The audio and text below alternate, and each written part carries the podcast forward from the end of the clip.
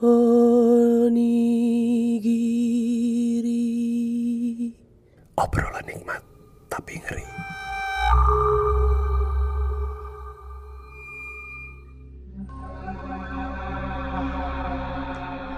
Halo semuanya, namaku Chelsea Islan.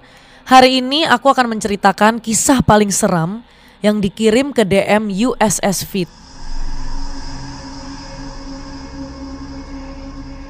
Kali ini ceritanya berasal dari at James Look underscore.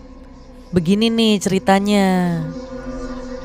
Jadi, sekitar satu tahun yang lalu, saat gue masih tinggal di Bali untuk menyelesaikan studi gue, gue tinggal di sebuah kosan kecil yang lumayan mewah.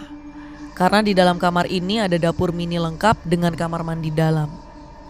Gue tinggal di kosan ini semenjak baru masuk perguruan tinggi. Jadi total gue sudah menetap di kosan ini kurang lebih tiga tahun dan tidak pernah mengalami kejadian mistis apalagi yang aneh-aneh di tempat ini. Sampai suatu saat gue mengalami kejadian yang cukup horor di kamar gue sendiri. Waktu itu gue sedang mengerjakan skripsi layaknya mahasiswa tingkat akhir yang dikejar-kejar oleh deadline dosen pembimbing. Ya, kurang lebih gue selesai mengerjakan skripsi di jam 12-an malam dan langsung memutuskan untuk tidur. Karena ada janji dengan dosen besok paginya. Nah, saat gue sedang tidur terlelap, tiba-tiba terbangun sekitar jam 2-an karena kepanasan. Ya, emang sih AC gue saat itu sedang tidak sehat karena belum diservis. Saat itu posisi tidur gue sedang menghadap ke kiri. Namun tidak sepenuhnya menghadap ke kiri sih, jadi seperti setengah ke kiri, setengah terlentang. Gue tidur menghadap tembok di sebelah kiri. Dan di belakang gue 5 sampai 6 meter adalah kamar mandi yang di depannya ada sebuah dapur mini. Kemudian di arah kaki gue ada lemari dan meja belajar. Saat itu sangat gelap karena gue kalau tidur lampunya pasti dimatiin. Dan kamar gue hanya disinari cahaya bulan sebab gue membuka tirai jendela. Gue yang terbangun akhirnya mencoba meneruskan tidur gue dan berhasil. Tapi beberapa saat berikutnya gue terbangun dan ngerasa sadar sesadar-sadarnya karena gue ngerasa ada seseorang di belakang gue lagi ngeliatin gue. Rasanya kayak ada orang lagi nungging di belakang gue dan ngeliatin gue. Dengan tujuannya kayak mau ngeliatin muka gue tapi nggak berani karena takut ketahuan. Kemudian di ekor mata gue gue mulai melihat kayak ada rambut kusut dan gue yang ketakutan tapi super kepo ini akhirnya memberanikan diri untuk menghadap ke arah kanan.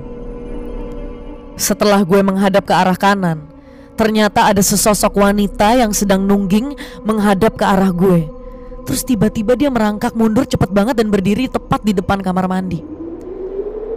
Kakinya nggak menapak, entah dia terbang atau menempel di pintu kamar mandi. Tapi yang gue tahu sih, sosok itu pasti kuntilanak. Tapi kuntilanak ini tuh beda banget dari yang biasanya ada di TV atau di film. Kuntilanak ini rambutnya kusut, tapi nggak kusut kayak benang kusut, lebih kayak ijuk yang kusut. Setelah gue tegaskan lagi penglihatan gue, yang gue lihat tuh dia menggunakan gaun tapi kayak ada efek ngeblurnya dan rambutnya juga ngeblur. Tapi mukanya kok jelas banget ya. Mukanya hitam pekat kayak gosong kebakar, bibirnya merah dan matanya juga menyala warna merah. Tapi dia cantik banget. Karena mukanya cantik banget, gue jadi terpaku dan ngeliatin dia terus. Tapi gue mulai ngerasa sesek nafas, mau teriak tapi gak bisa, mau gerakin badan juga gak bisa kayak ketindihan gitu. Gue yang mulai ketakutan akhirnya merem dan mulai baca-baca doa dalam hati sekitar 5-10 menit. Terus gue coba memberanikan diri untuk membuka mata lagi dan akhirnya kuntilanak itu udah gak ada. Saat itu sudah menjelang subuh dan azan berkumandang. Hah, beruntungnya gue setelah kejadian itu gue gak pernah diganggu lagi sama makhluk itu.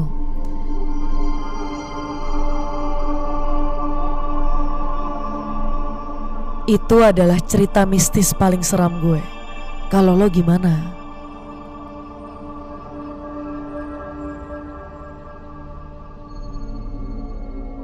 Kalau menurut kalian cerita ini kurang serem, mendingan kalian nonton film Sebelum Iblis Menjemput ayat 2 di bioskop tanggal 27 Februari 2020. Karena film ini tuh emang serem banget. Teror mencekam, ekstrim, mematikan dan yang pasti akan menghantui kalian. Film ini tuh bisa dibilang gila banget dan memiliki cerita yang berbeda dari horor-horor lain. Uh, pokoknya ini yang kalian tunggu-tunggu. Untuk pecinta horor di seluruh Indonesia, inilah film persembahan buat kalian. Oh, Oke. Okay. Pastiin lo nggak nonton sendirian.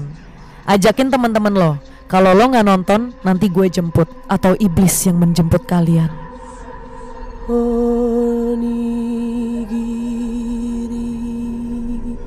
Obrolan